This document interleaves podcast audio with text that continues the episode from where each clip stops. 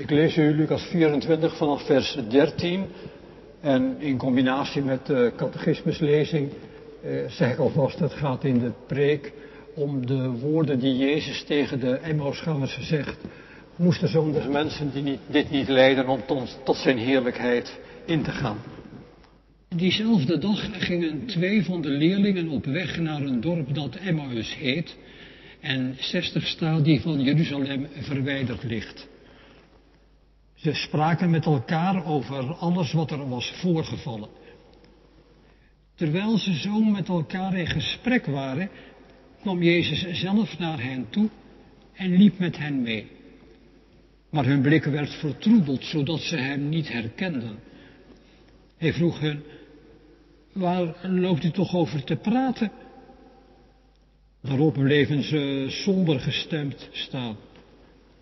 Een van hen, die Cleopas heette, antwoordde, Bent u dan de enige vreemdeling in Jeruzalem die niet weet wat er daar deze dagen gebeurd is? Jezus vroeg hun, wat dan? Ze antwoordden, wat er gebeurd is met Jezus uit Nazareth, een machtig profeet in woord en daad in de ogen van God en van het hele volk. Onze hoge priesters en leiders hebben hem ter dood laten veroordelen en laten kruisigen. Wij leefden in de hoop dat hij degene was die Israël zou bevrijden. Maar inmiddels is het de derde dag sinds dit alles is gebeurd. Bovendien hebben enkele vrouwen uit ons midden ons in verwarring gebracht.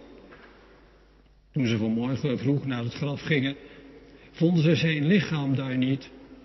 En ze kwamen zeggen eh, dat er engelen aan hen waren verschenen.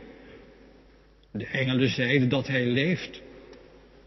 Een paar van ons zijn toen ook naar het graf gegaan en troffen het aan zoals de vrouw hadden gezegd. Maar Jezus zagen ze niet. Toen zei hij tegen hen, hebt u dan zo weinig verstand en bent u zo traag van begrip dat u niet gelooft in alles wat de profeten gezegd hebben? Moest de Messias al dat lijden niet ondergaan om zijn glorie binnen te gaan? Daarna verklaarde hij hun wat er in al de schriften over hem geschreven stond en hij begon bij Mozes en de profeten. Ze naderden het dorp waarheen ze op weg waren. Jezus deed alsof hij verder wilde reizen. Maar ze drongen er sterk bij hem op aan om dat niet te doen en zeiden, blijf bij ons, want het is bijna avond en de dag loopt ten einde. Hij ging mee het dorp in en bleef bij hen. Toen hij met hen aan tafel aanlag, nam hij het brood, sprak het zegengebed uit, brak het en gaf het hun. Nu werden hun ogen geopend en herkenden ze hem. Maar hij werd onttrokken aan hun blik. Waarop zeiden ze tegen elkaar, brandde ons hart niet toen hij onderweg met ons sprak en de schriften voor ons ontsloot? Ze stonden op en gingen meteen terug naar Jeruzalem waar ze de elf en de anderen aantroffen die tegen hen zeiden, de Heer is werkelijk uit de dood opgewekt en hij is aan Simon verschenen. De twee leerlingen vertelden wat er onderweg gebeurd was en hoe hij zich aan hen kenbaar had gemaakt door het breken van het brood. Toen we in de consistorie stonden, vroeg jij of er geen kindermoment was. Dat is het, voor zover ik weet, smiddags nooit. Maar toen je dat zo vroeg, dacht ik, ja, misschien is het toch goed om, om, om juist voor we die paar woorden uit de Heidelbergse catechismus gaan lezen, een paar dingen te zeggen, heel kort. Voor de, als ik het goed zie, twee kinderen in de kerk. We liepen de consistorie uit en je vader liep voorop en toen kwam jij en toen kwam ik. En toen dacht ik, ja, zo hoort dat eigenlijk. Kinderen gaan voor. Kinderen gaan voor mensen die kwetsbaar zijn, mensen die verdoold zijn in het leven, letterlijk of figuurlijk. Mensen die in zichzelf zijn verdwaald. Kinderen gaan voor, de kwetsbaren. Daar is uh, Gods liefde het allereerst aangelegen. De kwetsbaren en degene die, maar even zo gezegd, compleet uit de bocht gaan in hun leven. En het tweede wat ik wil zeggen, en dat is eigenlijk een soort, een soort samenvatting van de preek. Jezus Christus heeft ons mateloos lief. In de hoogtepunten van je leven en in de diepste punten van je leven. Door nood en door schuld. Mateloos lief zo ook dat als jij valt, of dreigt te vallen, dan is hij eerder al gevallen om ons op te vangen. En hij vangt ons op. Keer op keer. Hij vangt ons op en wandelt samen met ons verder Gods licht, Gods belofte tegemoet.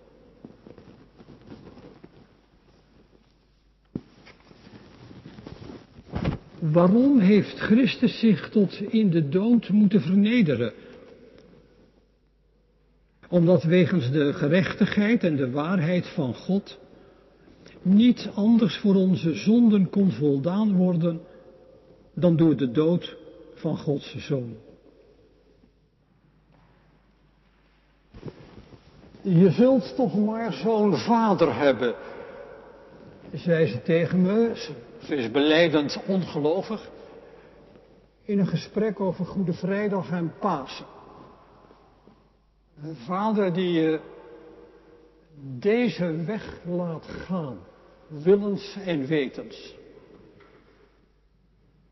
En ik denk zonder het helemaal te beseffen dat ze daarmee het hart raakte van waar het om gaat in de weg die Jezus gaat. Langs vernedering, lijden, dood, hellevaart. Dat ze de vinger op, zeg maar, op de pijnlijke plek legde. Dat het geen doem is die Jezus ondergaat, geen droevig lot. Maar dat het alles te maken heeft met Gods wil. Met Gods weg. En dat, dat moeten, dat we gelezen hebben in uh, Lucas, dat, dat moeten is daar geen zwerftekst. Zo van dat je kun je zeggen, oh daar, daar moeten we nog niet al te veel aandacht aan geven. Het is vijf keer eerder ook al gezegd dat het om moeten gaat. En het is gezegd op, op, zeg maar op scharniermomenten. En dan was het natuurlijk, zo heb ik het gehoord in elk geval, een sarcastische opmerking. Je zult toch maar zo'n vader hebben. Maar ik wil hem toch, ik wil hem toch waarderen. Waarderen in de zin van toelaten, proberen toe te laten bij mezelf in elk geval. Hoe absurd die woorden klinken. Moest de zoon des mensen niet. Of dat gebed in Galilea, waar Jezus vraagt om deze beker aan hem voorbij te laten gaan en eraan toevoegt niet mijn wil, maar uw wil geschieden. En die wil van God is dan blijkbaar die weg van lijden en dood, van hellevaart. Dat is toch, dat is toch onmogelijk eigenlijk. Als je, als je als je denkt over, over, over God, wie God is, de God van liefde, de God van, van gerechtigheid, de God van trouw, dat hij, dat hij dat vraagt. Dat hij dat vraagt aan een mensenkind. Ja, waarachtig God, waarachtig mens, maar toch vraagt aan een mensenkind. Dat, dat, dat, dat strijdt toch tegen alles wat je wat je humaan zou kunnen noemen. Ja, het strijdt tegen alles wat je humaan zou kunnen noemen. En toch het staat er, en een beetje onparlementair gezegd, we hebben het ermee te doen. Maar het blijft toch, het blijft toch absurd. Zo'n weg, zo'n eis, zo'n vraag. En bovendien, waarom moet er eigenlijk gestraft worden? Als God God is, als God almachtig is, wat we zo net beleden hebben, dan kan hij toch ook even, nou misschien niet eenvoudig, maar dan kan hij toch ook een, een grote streep zetten door al datgene wat wij aan, aan, aan kwaad hebben gedaan en doen. Daar is hij toch God voor. Haal je juist in een tijd van secularisatie en kerkverlating en zo, haal je God en haal je Jezus in elk geval niet veel dichterbij. Als je, als je van hem zegt, kijk, wat daar gebeurt, hè, dat, is, dat is dat een mens die, die vol vertrouwen op God de weg van de wet, dat is de weg van de vrijheid gaat, in liefde en barmhartigheid, zorg en in trouw, zijn leven helemaal over, overlaten aan deze God, aan deze God en Vader. En, en, en ja, ja blijkbaar, blijkbaar kost dat een verschrikkelijke prijs. De prijs van verwerping en lijden en dood. Maar, maar, maar hij is dan toch, nou ja, de, de, de, de, leermeester bij uitstek. Hij is dan toch het voorbeeld bij uitstek. En natuurlijk, je hebt een heleboel andere voorbeeldfiguren. Van, van, van, van Socrates tot Navalny en, en, en van de martelaren in de vroege kerk tot Martin Luther King. Maar deze, deze voorbeeldfiguur, dat is hem, ja, dat is hem bij uitstek. Dat is het voorbeeld van alle voorbeelden. En anderen die, die gaan al die weg wat verder en in mijn ogen wel een stapje dieper. Die zeggen, kijk eens, wat daar gebeurde rond Jezus, rond verwerping, lijden en dood. Dat is zo, zo ondenkbaar dat je iemand die zoveel goed doet, zo behandelt. Dat geeft een, dat geeft een schokeffect. En net als schokeffect kom je, kom je ook zelf tot handelen, kom je ook zelf tot, tot, tot, tot navolging. En heb je bij die eerste lijn, zeg maar, nog, nog, een, nog een beeld dat, je probeert Jezus na te volgen. Bij die tweede, bij dat schokeffect, heb je iets dat je dus blijkbaar jezelf identificeert met, met de moordenaars. En schokeffect is dus naar jezelf toe. Een, een, een, een schulderkenning, zo, zo kan ik dus handelen. Als ik het goed zie, is in de tamelijk breedte van de kerk er nog iets anders aan de hand. Dat we, dat we nee zeggen, nee zeggen tegen die voorbeeldfunctie, nee, want het is, het is, het is veel en veel meer. En we hebben het geleerd op catechisatie of waar dan ook. Hij moest sterven. Hij moest deze weg gaan. Maar het is, een, het is een stuk in je geloof dat je als het ware achtergelaten hebt in een parkeerhaven. En zelf trek je verder. Zelf trek je verder met nou ja, je geloofsweg en je, je daden die eruit volgen.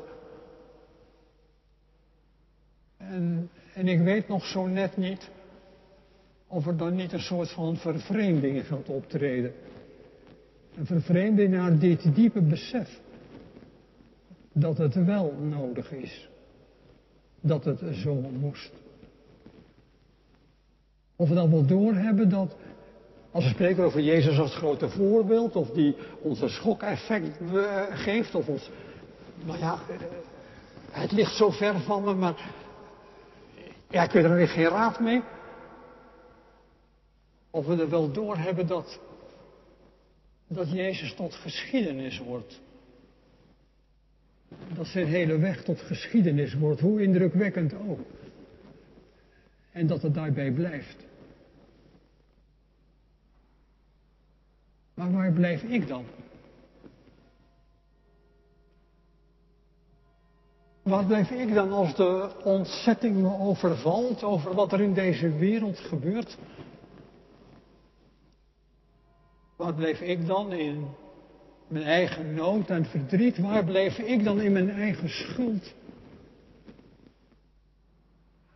Word ik dan alleen nog maar omgeven door die gevoelens van, van onmacht naar wat er in de wereld gebeurt, alleen nog maar omgeven door verdriet zonder maat, door schuld, dat me naar beneden, die me naar beneden zuigt. Waar blijf ik dan? Als hij een wonderlijk grote gestalte in de geschiedenis is. En daar blijft het dan ook bij. Waar kan ik me nog aan vasthouden?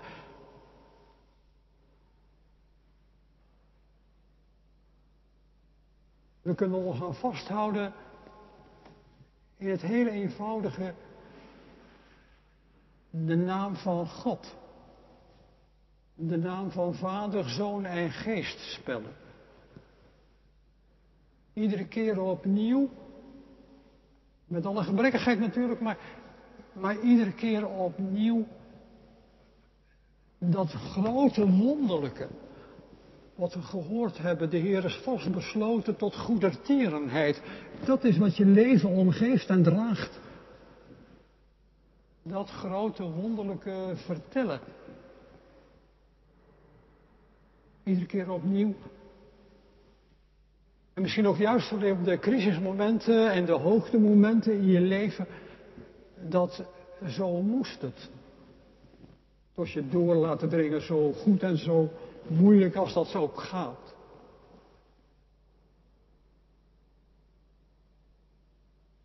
Ik hoor het wel.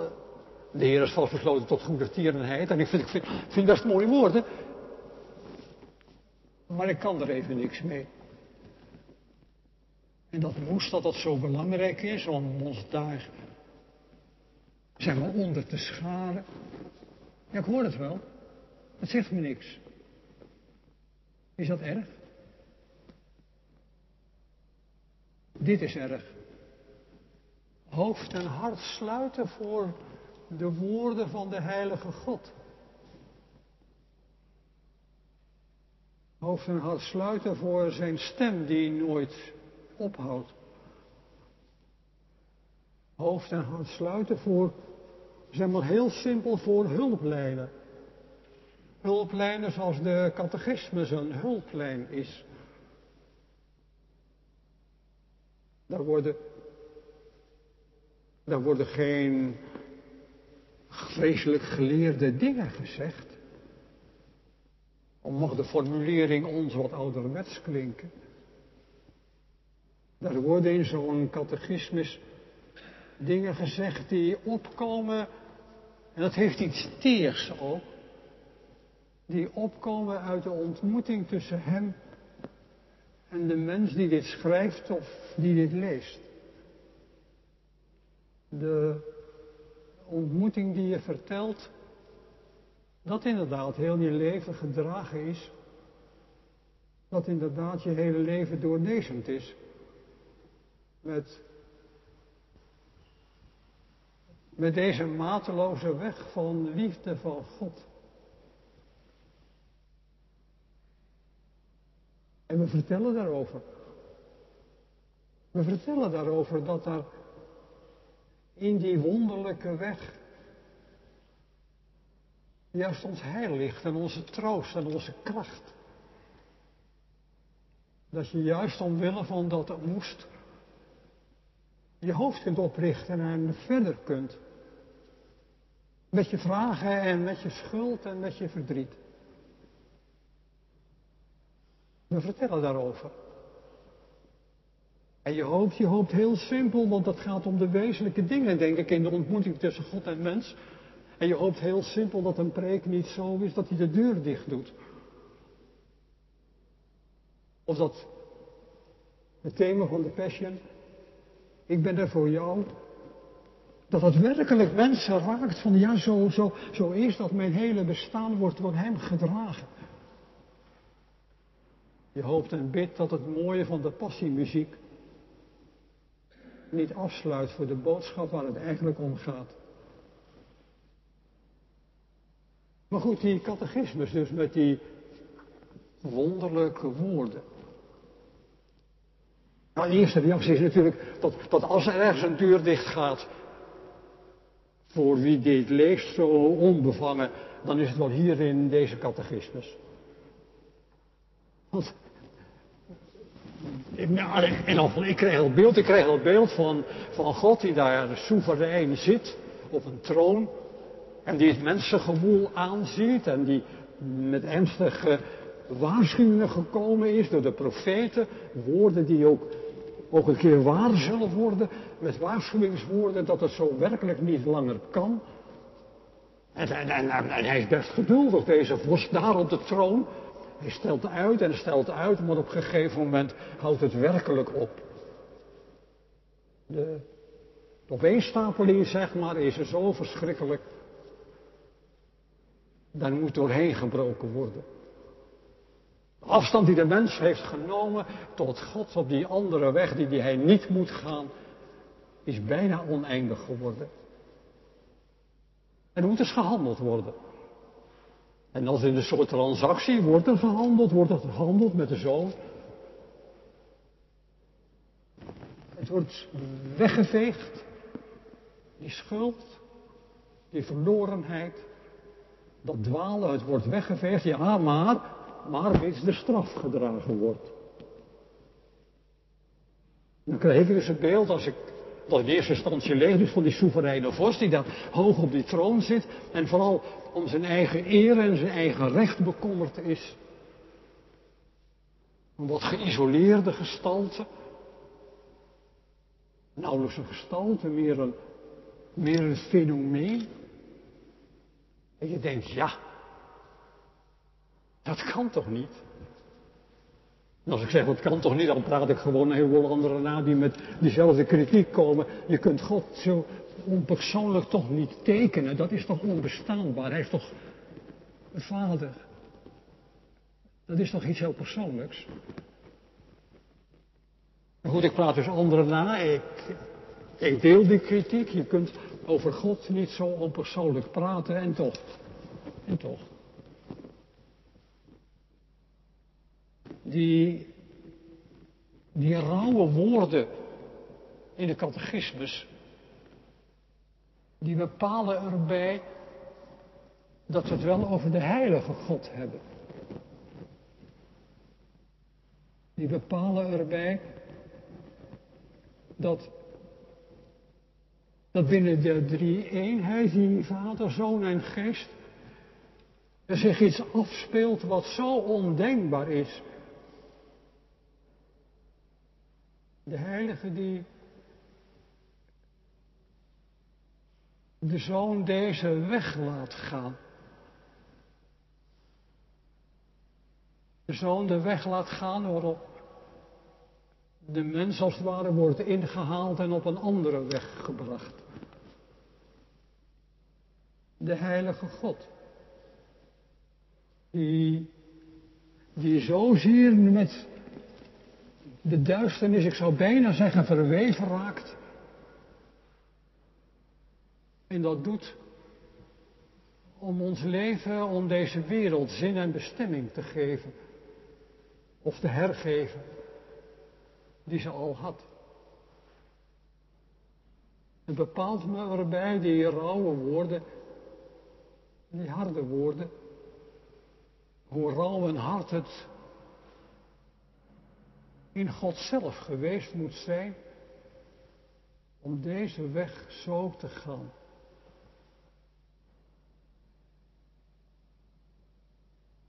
Hoe verschrikkelijk om de zoon niet alleen te laten lijden en te laten sterven, maar ook die hellevaart van de godverlatenheid in te gaan. Hoe de Heilige, de Vader, in dat lijden en sterven deel heeft. Hoe de Heilige, de Vader, juist in zijn afwezigheid bij de hellevaart daar deel aan heeft. Om zulke dingen gaat het.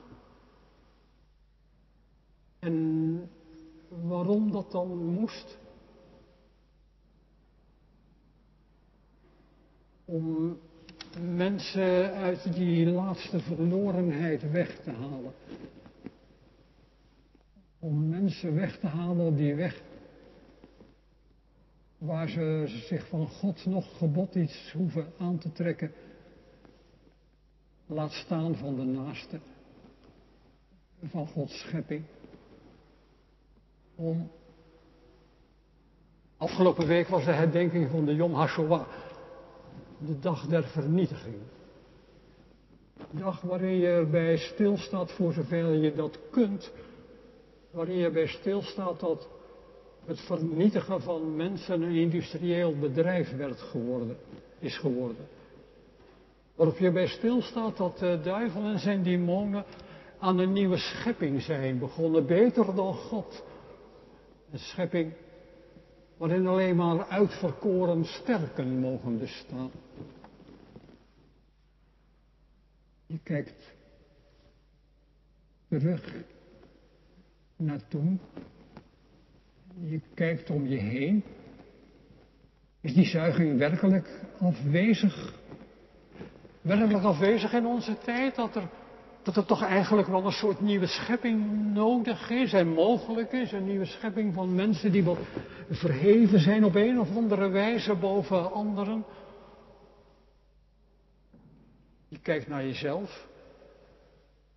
In hoeverre laat ik me Laat ik me meeslepen, meeslepen door mooie, machtige woorden die me toekomst beloven. Mij wel in elk geval.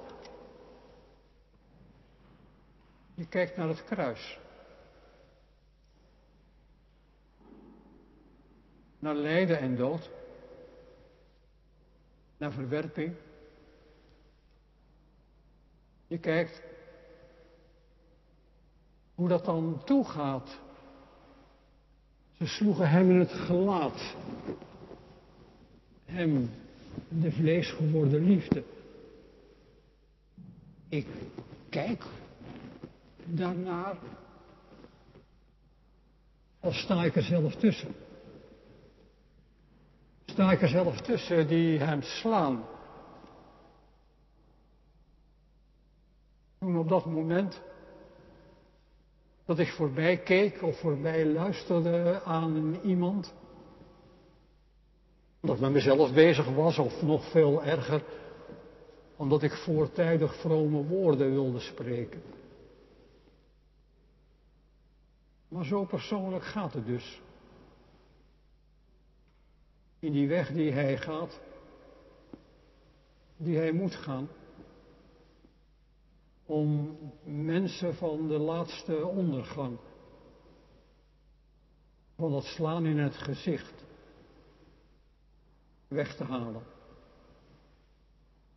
En omdat het zo persoonlijk is, is er ook die terechte kritiek op de catechismus. Want het is niet bedoeld, maar voor je het weet, zit je inderdaad in de transactiesfeer, in de transactiesfeer dat nou ja, de verzoening is geschied in Christus. En dat is geweldig natuurlijk. Ik kan verder in het leven, ik kan gewoon mezelf blijven.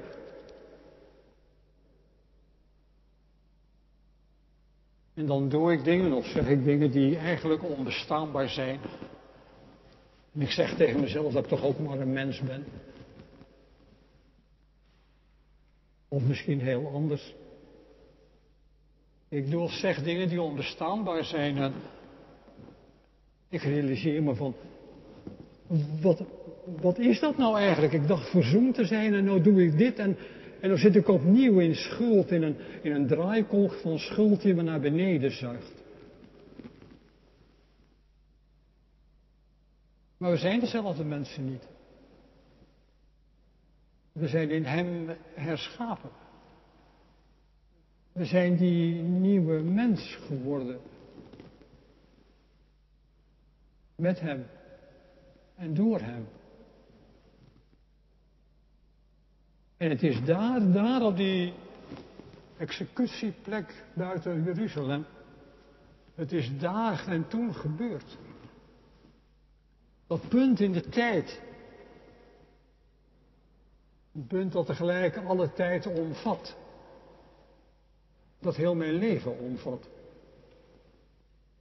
Dat heel mijn leven omvat van de hoogste hoogte tot de diepste diepte van nood en schuld zonder maat. Daar en toen gebeurt. En er is iets van, maar omdat dat zo is, is er dat wonderlijke vertrouwen in je, in je geloof, in je leven, dat deze wereld inderdaad niet voor ondergang is bestemd, bedoeld is voor Gods koninkrijk. Dat mijn leven niet bedoeld is om aardige dingen te doen en dat was het dan. Maar bestemd is om hier en nu en voorbij alle grenzen bij Hem te mogen zijn en Hij bij ons. Daar is juist in dat weten van dat nieuwe begin. Natuurlijk schuldgevoel, jazeker. En die vraag die ik net stelde of ik erbij stond toen, ik, toen er in zijn gelaat geslagen werd, die vraag is, zin, is zinnig. Maar eerst, eerst moeten we dit weten en eerst moet dit ook toegelaten worden in ons leven. Dat we in Hem herschapen zijn. Dat we werkelijk verzoende mensen zijn en dat dat iets betekent. Dat er zeg maar lijfelijk iets betekent. Zo, zo onderweg. En dan, ja natuurlijk, tal van vragen, tal van vragen van, ik kan het nou wel zeggen, dat de wereld niet voor de ondergang is bestemd, maar voor Gods koninkrijk. Ja, en hoe dan, en ik zou het niet weten. Ik kan het wel zeggen dat mijn leven gedragen is in de hoogtepunten en in de dieptepunten door, door de eeuwige, door, door hem die zijn leven om het mijne heeft heen gelegd. Maar hoe zit dat dan concreet? Hoe zit dat met, met wat me overkomt? Hoe zit dat met mijn schuld, mijn tekorten? Ik weet het heel vaak niet. Maar het is geen weten dat wanhopig maakt. Het is een vertrouwend weten. Het is een vertrouwend weten dat. Laat maar zeggen dat hij iets gezien heeft. Dat hij gezien heeft van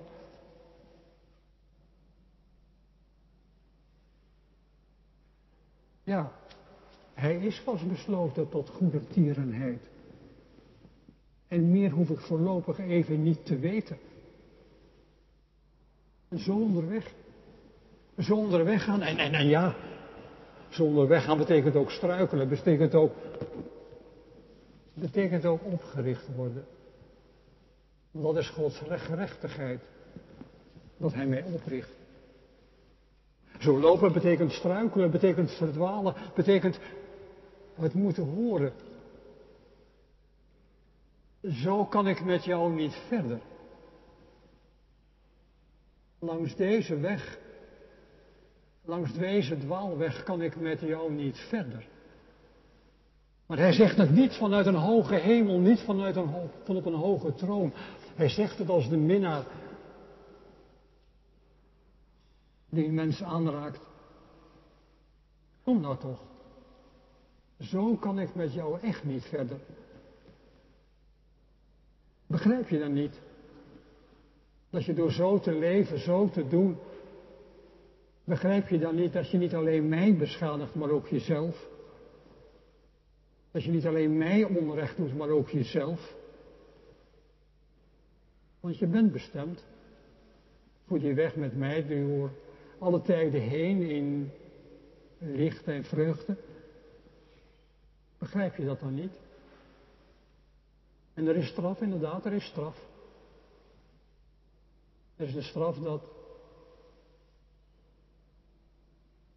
hij nee zegt tegen de zoon des mensen, tegen Jezus Christus, tegen zijn eigen zoon. En die op de weg zet waarop wij verdwaalden. En ons zomaar, zomaar in Jezus' naam op de weg zet. Wat we weer samen verder kunnen. Wat we weer samen verder gaan. Zo, zo gaan de dingen eraan toe. Als het erom gaat om te vertellen over moest het zo, ja zo moest het. Omdat we op deze weg worden gezet. Omdat we op deze weg worden gehouden. Deze weg twee mannen zijn onderweg naar Emmaus. En Jezus komt bij hen en vertelt hen over dat het zo moest. Hij vertelt hen eigenlijk, ja, waar jullie op hoopten was, was de hoop dat God zich precies in jullie beeld, in jullie verwachting invoegen zou. Maar hij voegt jullie in, in zijn beeld, in zijn verwachting, in zijn weg naar het koninkrijk van God. En dat kan heel diep gaan. Ingevoegd worden in de weg van het koninkrijk van God. Dan kunnen de dingen heel anders gaan in je leven dan je graag zou hebben, dan je ook verwachten mag. Dan kunnen zelfs de dingen die gebeuren in je leven aan nood en schuld kunnen tussen God en jouw inkomen staan. Dan leert een mens sneller of langzamer dat er tussenin komt staan. Dan leert een mens sneller of langzamer dat die plek waardoor je eigenlijk iets van God afstand neemt, die plek van nood en schuld, dat het een plek van ontmoeting wordt. Dan leer je, een enkele keer heb ik het ook meegemaakt dat een vrouw tegen me zei, dit leed, en dat was niet gering, dit leed is een ambt dat ik draag. Een ambt van getuigenis. Een ambt van getuigenis dat er een God is die je niet laat vallen. In eeuwigheid niet. En je hoort zoiets. En je begrijpt een heel klein beetje. De weg die Jezus moest gaan, neemt Hij ons mee. In de hoogte, maar ook in de diepten van het leven. In de nood en in de schuld. Maar Hij neemt ons mee. Je zult toch maar zo'n vader hebben. Ja, zo'n vader hebben wij. Niets kan ons scheiden van zijn liefde. Amen.